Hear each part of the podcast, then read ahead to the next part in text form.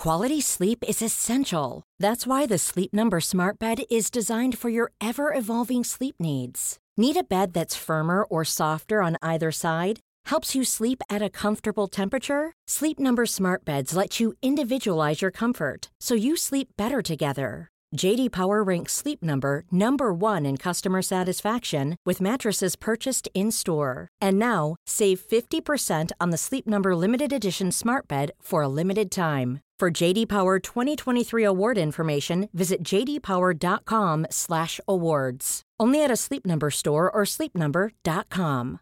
One size fits all seems like a good idea for clothes until you try them on. Same goes for healthcare. That's why United Healthcare offers flexible, budget-friendly coverage for medical, vision, dental, and more. Learn more at uh1.com.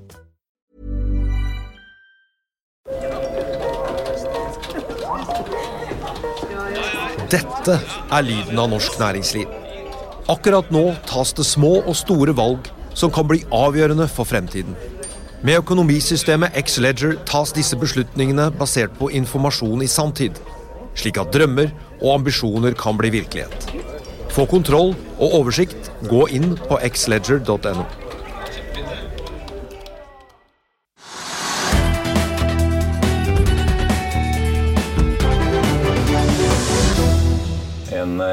riktig god jul alle sammen, og velkommen til juleserien her hos oss i Finansavisen TV. I år som i fjor så har vi invitert folk fra ulike bransjer og deler av næringslivet for både å oppsummere året som ligger bak oss, få litt nye perspektiver og forsøke å se inn i krystallkulen for 2023. Og I denne sendingen så har vi vært så heldige å få besøk av han som ofte kalles energilovens far. Han har vært Hydro-sjef og er også styreleder i en av landets største konsern, som også er verdensledende innen både maritim og forsvar. Så etter et år der Europa både har opplevd en energikrise og at Russland har startet en invasjon på kontinentet, så kunne vi vel knapt fått en bedre gjestematch enn dagens gjest. Velkommen, Eivind Reiten, får vi si, styreleder i Kongsberg Gruppen. Takk for det. Jeg tenkte vi skal, vi skal, snakke om Kongsberg Gruppen og forsvarsindustrien, men la oss begynne litt med energi. Du var jo olje- og energiminister i Senterpartiet til årsskiftet 89-90 da energiloven kom. Kraftmarkedet ble liberalisert og åpnet opp. Mange har spurt deg om hva du, hva du tenker om hvor vi står i dag. Hvilke refleksjoner eh, gjør du deg om, om liksom disse prisene vi ser og situasjonen vi har havnet i? Ja, For det første så må jeg jo si at eh, vi må huske at når vi endret lovgivningen og innførte den loven som jeg da har eh, med glede bærer farskapsansvaret for, mm. så var det jo det regulert norsk system hvor kraften egentlig ikke var gjenstand for noe omsetning, og hvor enkelte fylker bygget ut dyr kraft, mens andre hadde overskudd, men de kunne ikke handle på tvers. Ja. Og Samtidig så skulle det systemet spille mot et europeisk kraftsystem som var rent eh, basert på gass og kull. Og det viste seg at det vi gjorde der, fungerte veldig godt. Og, og, Norge har jo nå i de siste 30 årene hatt kraftpriser i gjennomsnitt som har vært av de laveste i Europa. Og på toppen av det, og kanskje det er lett å glemme, så har vi nesten ikke hatt kraftutbygging i Norge i den perioden. Mm. Det viser bare hvor enormt mye som lå i å få effektivisert og få utnyttet kraften på tvers av landet. Ja, potensial som lå i Enormt potensial som lå der. Så, ja. så både miljøet, eh, vår natur, og kundene har tjent veldig på dette. Men nå bygges jo dette om. Og da er vi nødt til selvsagt å se på betyr det at vi også må gjøre justeringer. Eh, i stort så tror jeg vi fortsatt skal fortsette å handle med, med verden rundt oss. Jeg tror at det norske tryggheten for energiforsyning bare vil synke hvis vi tror at vi skal klippe av kablene og slutte med det. Men vi må se på hvordan vi kan gjøre dette så smart som mulig. Og samtidig tror jeg det er riktig, som man er inne på på, på regjeringens side, at vi må gjøre noe som, som gjør at vi ikke kommer opp i forsyningskriselignende tilstander. Altså krav til magasinfylling og annet som er i ren nasjonal interesse å, å innføre. Ja, for det er jo, en ting er jo ja, selvfølgelig Norge, i hvert fall via beskatningen av kraftsektoren, tjener jo på at vi da selger strøm dyrt til utlandet når den er dyr i utlandet. Men det er jo ofte denne forsyningssikkerheten som holdes opp som kroneargumentet for hvorfor vi må ha disse kablene eh, der, da. Ja, men, men husk at, at, kablene som sådan gjør jo, gjør jo, at vi i Norge kan greie oss med mindre kraftutbygging enn vi ville måtte ha gjort hvis vi ikke hadde kablene. Mm. For hadde vi ikke kablene, så hadde vi hatt en, en buffer. Det er jo Europas problem nå. At de, med å bygge opp et system som er avhengig av sol og vind, er nødt til å ha veldig dyr reservekapasitet stående for de periodene hvor de ikke blåser og hvor det ikke skinner eh, sol. Det blir en veldig dyr kapasitet. Så det samspillet vi har med Europa, det skal vi ta vare på. Men jeg tror at det er mer å hente på en, en smartere avtaler med Europa. Så når vi selger kraft til Europa, så selger vi i de periodene hvor de virkelig ellers måtte ha koblet inn sin dyre reservekapasitet, så kan vi få mer igjen for det. Og sånn sett da importere når det er overskudd, som det i perioder blir i Europa. Så vi må se på dette handelsregimet, men vi må ikke eh, kaste det på, på, på skraphaugen. Så tror jeg og det vet jeg at regjeringen arbeider hardt med. Det er å prøve å finne løsninger som, som, gjør at norske husholdninger fortsatt kan bruke strøm uten å gå på en stor personlig økonomisk smell. Det er det mange som gjør nå, selv om jeg ja, Selv om vi har strømstøtteordningen, så er det jo mange tusenlapper folk får i faktura? Det er det, og, og, og selv om jeg har min barnelærdom fra Finansdepartementet og er vant til å være ganske robust imot eh, syting og klaging over at ting koster og at folk ikke klarer seg, så må jeg jo erkjenne at de eh, strømkostnadene som den enkelte husholdningen i dag får, både på sine fritidsboliger og på sine hjem, den er så stor at den, at den, bryter litt med den jeg kaller, jeg kaller, det samfunnskontrakten som eksisterer mellom folk og politikere. Sånn vil vi ikke ha det i, i Norge. Det har vært et velferdsgode å ha rimelig ren eh, kraft. Både for husholdningene, men også for alle mulige bedrifter. Så har jo på en måte det vært en viktig konkurransefordel. Ja da, og, og og hadde det vært en enkel løsning på det, der deler jeg av statsministerens vurdering, hadde det vært en enkel løsning på det, så skulle man ha fiksa det med en gang. Fordi kostnaden ved å produsere denne kraften er jo veldig liten i forhold til eh, det man tar ut i, i markedet. Og imidlertid har de funnet denne strømstøtten, som er, tross alt hjelper en del. Men jeg tror man må fortsette å grave og se om det kan finnes løsninger som gjør at særlig husholdningene kan få en mer eh, forutsigbar og påregnelig kostnad. Ja. Men du peker på liksom, egentlig da, du ser, ser, for deg at man kan gjøre noe regulatorisk i forholdet mot Europa her for å få prisene ned i Norge. Men hvis man ser på det rent sånn tekniske på bakken, så er det jo mange som peker på disse to store nye kablene som kom inn sist til Tyskland og Storbritannia som de to store synderne. At dette gikk veldig bra før. Ikke så mye nå lenger. Hvis man drar parallellen til olje og gass, en næring du kjenner godt, så så vi jo hva som skjedde da det ble brann på dette LNG-anlegget Freeport i Texas. Gassprisen i USA knakk ned ganske betydelig. Europa suste den opp rett og slett fordi eksportmuligheten fra USA ble redusert, og gass ble også låst inne i USA. Er det ikke det samme som ville skjedd hvis man uh, kvittet seg med disse to kablene? Jo, og det er derfor man, man det, er ikke noen, det er ikke noen enkel løsning å kvitte seg med de to kablene. For det første så har vi jo et løpende det jeg kaller vekselstrømssamarbeid mellom Sverige og Danmark i Nordpol-samarbeidet. De der også flyter jo kraften dit den får høyest pris til enhver tid. Og et grep i Norge som da senker kraftprisen i Norge kunstig, ville jo gjøre at den kraften ville stå stange mot grensen og ville ut for å bli solgt et sted hvor den egentlig da fikk høyere, høyere pris. Så alle, alle disse eh, for så vidt vel, velmente tiltakene nasjonalt støter mot eksport og grensehandelen som er problematisk i denne sammenheng. Men, men, jeg tror altså at kreftene må legges i å prøve å finne noen mekanismer i denne utvekslingen med utlandet som gjør at vi kan ta vare på våre egne innbyggere med levelige kraftkostnader, men samtidig bidra til Europa når de virkelig må koble inn sin dyreste kraft, og samtidig, samtidig, kunne kjøpe fra Europa når de har virkelig billig kraft. For det er jo i lange perioder at kraftprisen i Tyskland, etter hvert i Storbritannia, kommer til å være nesten null når det blåser ekstremt mye. Ja, og til i Danmark er det jo negative, for det blåser litt. Ja, i dag er det, da, da, da, ser du, da ser du dette. Hva skjer med Norge da? Altså, vi, har jo, vi har fått en god del fall, anekdotiske eksempler utover høsten på hva som skjer når gassprisene og strømprisene blir eh, for høye. Vi ser jo Hydro har jo tatt kraftig grep eh, og omtrent stengt ned sin produksjon i store deler av Øst-Europa pga. høye energipriser. Norske Skog har gjort det tidvis. Men vi ser det jo også her eh, hjemme. Både Hydro og Elkem har jo tatt grep i løpet av høsten og nå tiden før jul, hvor de kutter ned eller stenger litt produksjon, selger overskuddskraften i spotmarkedet og sånn sett tjener jo mer penger enn de ellers ville gjort. Men eh, det blir jo ikke mye industriarbeidsplasser av å sitte og tjene på eh, kontangohandel i kraftmarkedet. Dette er lyden av norsk næringsliv. Akkurat nå tas det små og store valg som kan bli avgjørende for fremtiden. Med økonomisystemet X-Leger tas disse beslutningene basert på informasjon i sanntid, slik at drømmer og ambisjoner kan bli virkelighet.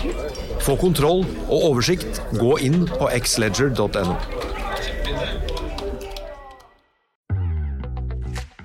Vil du bli oppdatert på det viktigste som har skjedd innen finans og næringsliv? Da er det bare å følge med, for hver morgen er jeg, Marius Lorentzen og aksjekommentator Karl Johan Malnes på plass i studio for å ta tempen på dagens marked i Børsmorgen. Og hver ettermiddag oppsummerer vi alt du trenger å vite i økonominyhetene, og det blir selvfølgelig masse interessante gjester. Klikk deg inn på fano-tv, eller søk opp Børsmorgen og Økonominyhetene der du hører på podkast.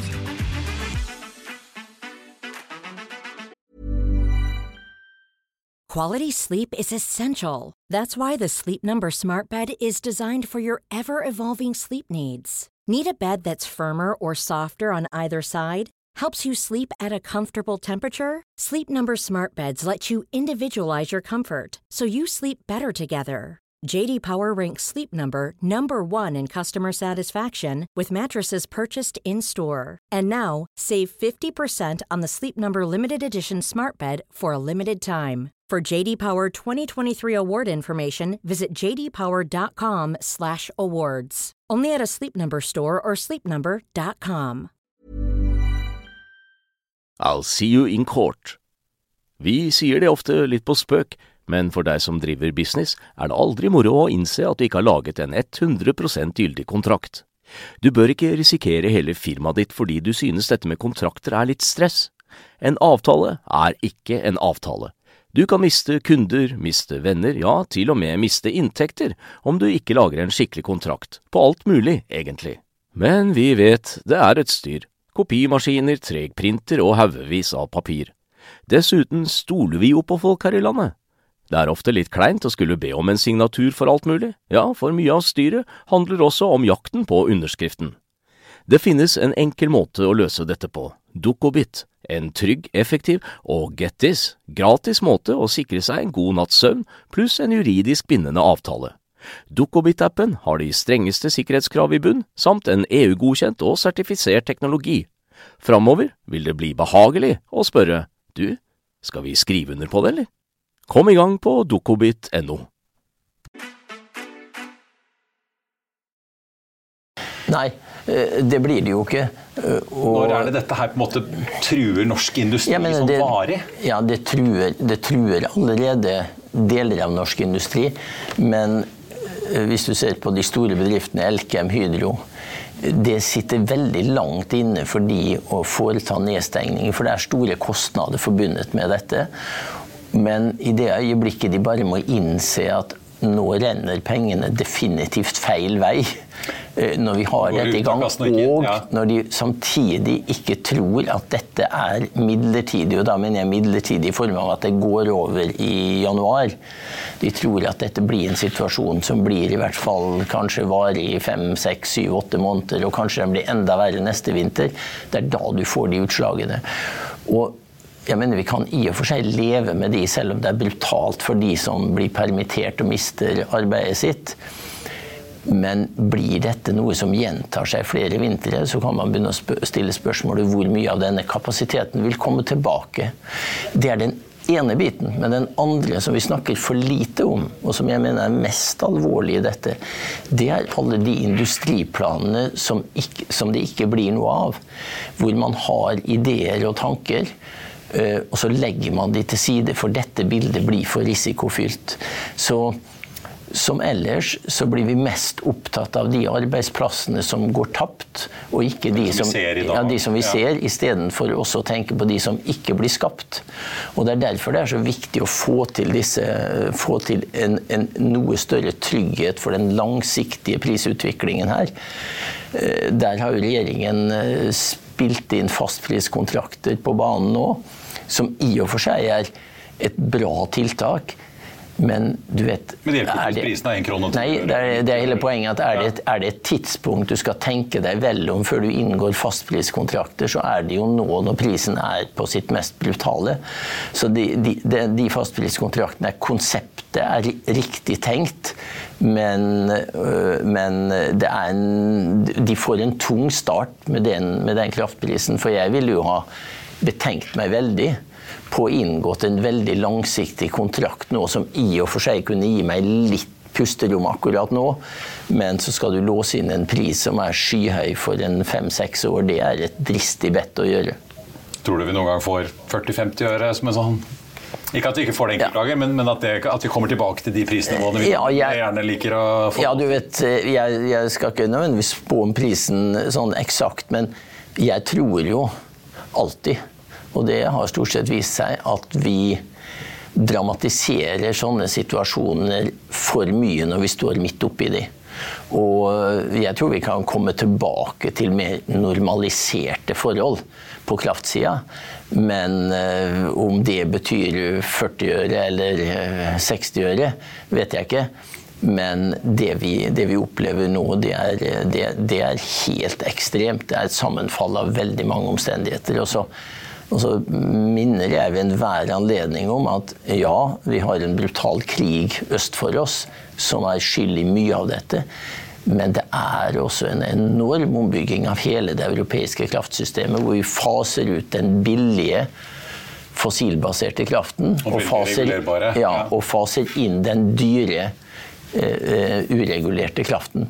Og bare det, uavhengig av krigen, bare det er et enormt eksperiment i forhold til kraftkostnadene for hele Europa.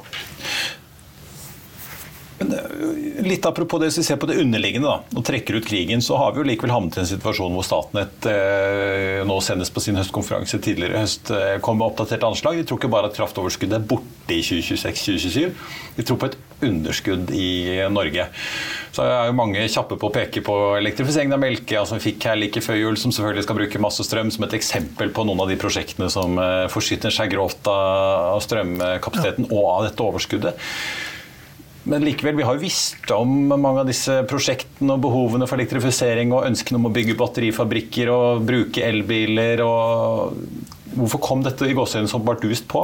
Eller hvorfor har vi ikke evnet å få mer kraftutbygging ja, for å på en måte passe på dette overskuddet vårt? Ja, men Det, det tror jeg har en ganske det har en, det har en ganske litt sånn enkel forklaring. Og det er at villigheten til å stå fadder for nye kraftbrukende prosjekter, den er stor. Men viljen til å stå fadder for ny kraftutbygging med de konfliktene det har, enten det er vind på land eller det er oppgradering av vannkraftverk med en litt forhøyning av et magasin her og der, ja, den er jo mye tyngre. Og behandlingsprosessene for det tar jo veldig lang tid. Og det har jo ikke, har jo ikke liksom vært massiv politisk støtte for disse tingene heller. Så det er, jo, det er, jo, så mye morsommere å være der og legge ned grunnstenen for noe nytt som, som trenger eh, noen, et, et, et, ja, eller, eller, et nytt kraftkrevende industriprosjekt. Mens, så, så, det er jo en, en, mangel på samspill nå mellom tilbudssiden og etterspørselssiden. Og Derfor så tror jeg at noe av dette underskuddet som du viser til, som Statnett helt på en god måte fikk fram i sin analyse, Det kan nok forta seg noe, fordi en del av de planene på industrisiden blir det neppe noe av hvis kraftbalansen i Norge blir så anstrengt som det nå ser ut. Men da er det jo mange, eller er det egentlig da mange arbeidsplasser og lønnsomme bedrifter som vi da går glipp av? Det er, det er antagelig noen, men man må jo også stille seg spørsmålet hvor velegnet Norge er som lokalisering for veldig kraftkrevende og til dels også arbeidskrevende virksomhet, som disse, særlig disse batteriproduksjonene er. Eh, jeg, jeg, er jo litt i tvil om hvor velegnet Norge vil i det lange løp være der, fordi vi har dyr arbeidskraft uh, i utgangspunktet i dette velferdssamfunnet vårt. Og kraften blir ikke spesielt billig i Norge i forhold til veldig mange andre land. Men uh, jeg håper jo de lykkes, men, uh, men jeg vil ikke, vil ikke vedde for mye på det. Skal vi snakke litt eh, forsvarsindustri? Du, som jeg var inne på i introduksjonen, du er jo styreleder i ikke, altså Kongsberg Gruppen, som ikke bare er et av Norges største konsern, men også helt i verdensteten på maritim industri og en del forsvarsindustri, de sektorene de opererer i. Vi har sett i høst ganske mange forsvarsordre tikke inn i milliardklassen fra det ene mm. Nato-landet etter det andre, Storbritannia, Spania. Altså, listen bare går, går videre og videre. Eh, noen vil kanskje tenke at det er et resultat av Ukraina-invasjonen, men eh, det er ganske lange linjer i forsvarsindustrien. Så lå disse ordrene egentlig i kortene uavhengig av hva Putin fant på? Eh, ja, de lå, i, de lå, nok i, kortene som ledd i at jeg tror veldig mange av de landene vi kan eksportere til å samarbeide med først og fremst, og fremst Nato-land. Eh, de har nok i lengre tid hatt planer om å nå begynne å gjennomføre en oppgradering av eh, sitt, sitt forsvar. Modernisering og styrking. Eh, det er jo bare å vise til de diskusjonene som Nato har på hvert eneste av sine, sine ministermøter, hvor presset på, på, landene eh, for å gjøre noe med dette eh, er veldig stort. Det skjer, og det har ledet til et betydelig tilfang av kontrakter for oss. Vi produserer avanserte systemer både for, eh, for, sjø, for sjømål og luftvern særlig. Uh, og så, så, ser vi jo nå at det som skjer i øst, det gir bare enda større kraft i de enkelte landene til å fortsette den opprustningen, opprustningen oppgraderingen. Så i ordreboken vår så ser vi ikke noen effekter av det ennå fordi det er for tidlig, men vi tror vi kommer til å se det i årene fremover. Så den gode trenden vi er inne i nå, den tror vi vil fortsette en god stund. For jeg tror det er veldig mange land som politisk sett har hatt et eh, litt sånn tvile seg fram til hvor mye man skal satse på forsvar, som nå ser at uten nasjonal trygghet så blir resten av vår politiske agenda lite verdifull. Vi ser jo altså Både Kongsberg Gruppen og Nammo også øh, produserer vel alt man klarer om dagen med mye av det som forbrukes. Vi ser jo Ukrainas øh, president det er jo nesten så han reklamerer for Kongsberg Gruppens NASAMS luftvernsystem i internasjonale medier. Gir denne krigen likevel et, et slags sånn taktskifte for norsk forsvarsindustri og Kongsberg Gruppen? Jeg tror den, det, det, vi, det, det, vi, ser gjennom, gjennom nødvendig moderniseringen av Forsvaret rundt om, gir et taktskifte for oss. Vår ordrebok og størrelsen på vår forsvarsvirksomhet har vokst kraftig de siste årene, og det er alt som tilsier at det vil fortsette. Mm. Så i så måte er det et taktskifte, men det er et taktskifte i tråd Eller det er et taktskifte som reflekterer et taktskifte i veldig mange av de landene som vi samarbeider med, særlig, særlig i Nato. Og når vi da er i den posisjonen at vi har den type avanserte våpen som uh, våpensystemer som, som, disse landene er ute etter, så, så, så klaffer dette veldig godt uh, også forretningsmessig for oss nå for tiden. Uh, altså denne industrien er jo avansert teknologiutvikling eh, som foregår, og som jo drypper ned på mange andre virksomheter, fra Nammo og Kongsberg Defence over på andre. Det er jo noen år siden tidligere konsernsjef Walter Kvam eh, ledet an oppkjøpet av eh, hvert fall halvparten av Patria, sammen som den finske staten eier resten av. Som igjen da eier litt av Nammo, så her er jo sirkelen komplett. Eh, men den gangen var jo da Finland ikke et Nato-land. Og sånn har det vært i mange år. og Saab har på en måte vært på utsiden, vært en konkurrent, men ikke vært inne i Nato-sfæren. Hvis, hvis, ikke ting stopper opp helt på mållinjen her, da, så ser det jo da ut til at Sverige og Finland kommer inn i Nato-varmen. Vi får inn da både Saab som en konkurrent i Kongsberg Gruppen, vi får også inn da Patria som eh, Kongsberg Gruppen da er storeier i. Hva har det å si for forsvarsindustrien og Kongsberg Gruppen? Jeg tror, ikke, jeg, jeg tror jo for det første at det, veldig, det vil være veldig bra for stabiliteten og tryggheten i våre områder at vi får de inn som, eh, som Nato-medlemmer. La, la, det være sagt. Jeg tror ikke det vil påvirke oss uh, som Kongsberg Gruppen veldig mye. Det gode vil selvsagt være at Patria vil da uh, kunne eksportere ut fra et Nato-land. I dag er de utenfor Nato, men likevel et land som har tilgang til veldig mange eksportmarkeder. Men på den annen side så vil vi også kunne merke økt konkurranse, for vi får jo våre, våre gode konkurrenter i Sverige vil jo da være Nato-medlemmer. Men for oss så, så, tror jeg dette bare vil være en styrke i sum, fordi det vil øke fokuset på hvordan vi i sum styrker forsvaret vårt i de nordiske landene, og vi har mye teknologi å tilby på det området. Kort til slutt, Reiten, så må jeg nesten spørre deg. I løpet av denne høsten så har vi sett Kongsberg Gruppen både annonsere etableringen av en fornybardivisjon ut av Kongsberg Maritime. Vi har sett uh, også nå robotics og sensorer skal etableres med et eget forretningsområde. Vil Kongsberg Gruppen fortsette som et stort konsern, eller vil vi begynne å se at man deler opp dette her? Eh, vi fortsetter som et, et stort, stort, konsern, men uh, både fra styret og ledelsens side så, så, så ser vi jo hele tiden på kan vi organisere oss enda mer effektivt. Og denne satsingen på fornybare er jo fordi vi tror det skjer så mye på det området at uten å ha en spydspiss som skal jakte spesifikt på det, så tror jeg vi kan gå glipp av muligheter. Sensor and Robotics, som altså er denne avanserte undervannsteknologien vår, det tror jeg vi er fortsatt en, en, Det er en diamant, men den kan slipes enda finere. Ved at vi gjør det til et eget forretningsområde, så tror vi vi kan få enda enda mer lys og enda mer fart på det området. Så dette er organiseringer vi hele tiden vurderer å gjøre. Og det kan komme mer ved en senere anledning, men Kongsberg består som ett konsern. Eivind Reiten, tusen takk skal du ha. God jul og godt nyttår. Takk i like måte.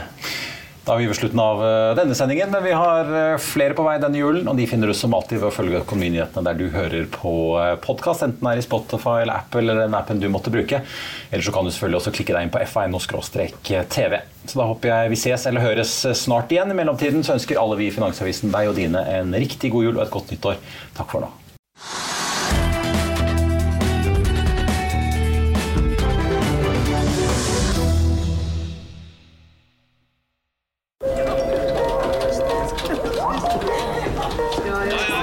Dette er lyden av norsk næringsliv. Akkurat nå tas det små og store valg som kan bli avgjørende for fremtiden. Med økonomisystemet X-Leger tas disse beslutningene basert på informasjon i sanntid, slik at drømmer og ambisjoner kan bli virkelighet. Få kontroll og oversikt, gå inn på xledger.no.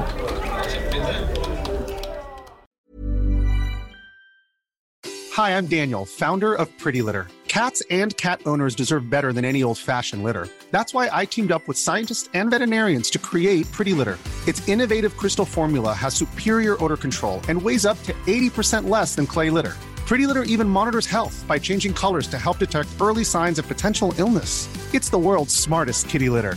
Go to prettylitter.com and use code ACAST for 20% off your first order and a free cat toy. Terms and conditions apply. See site for details. Økonominyhetene er en podkast fra Finansavisen. Programledere er Marius Lorentzen, Stein Ove Haugen og Benedikte Storm Bamvik. Produsenter er Lars Brenden Skram og Bashar Johar. Og ansvarlig redaktør er Trygve Hegnar.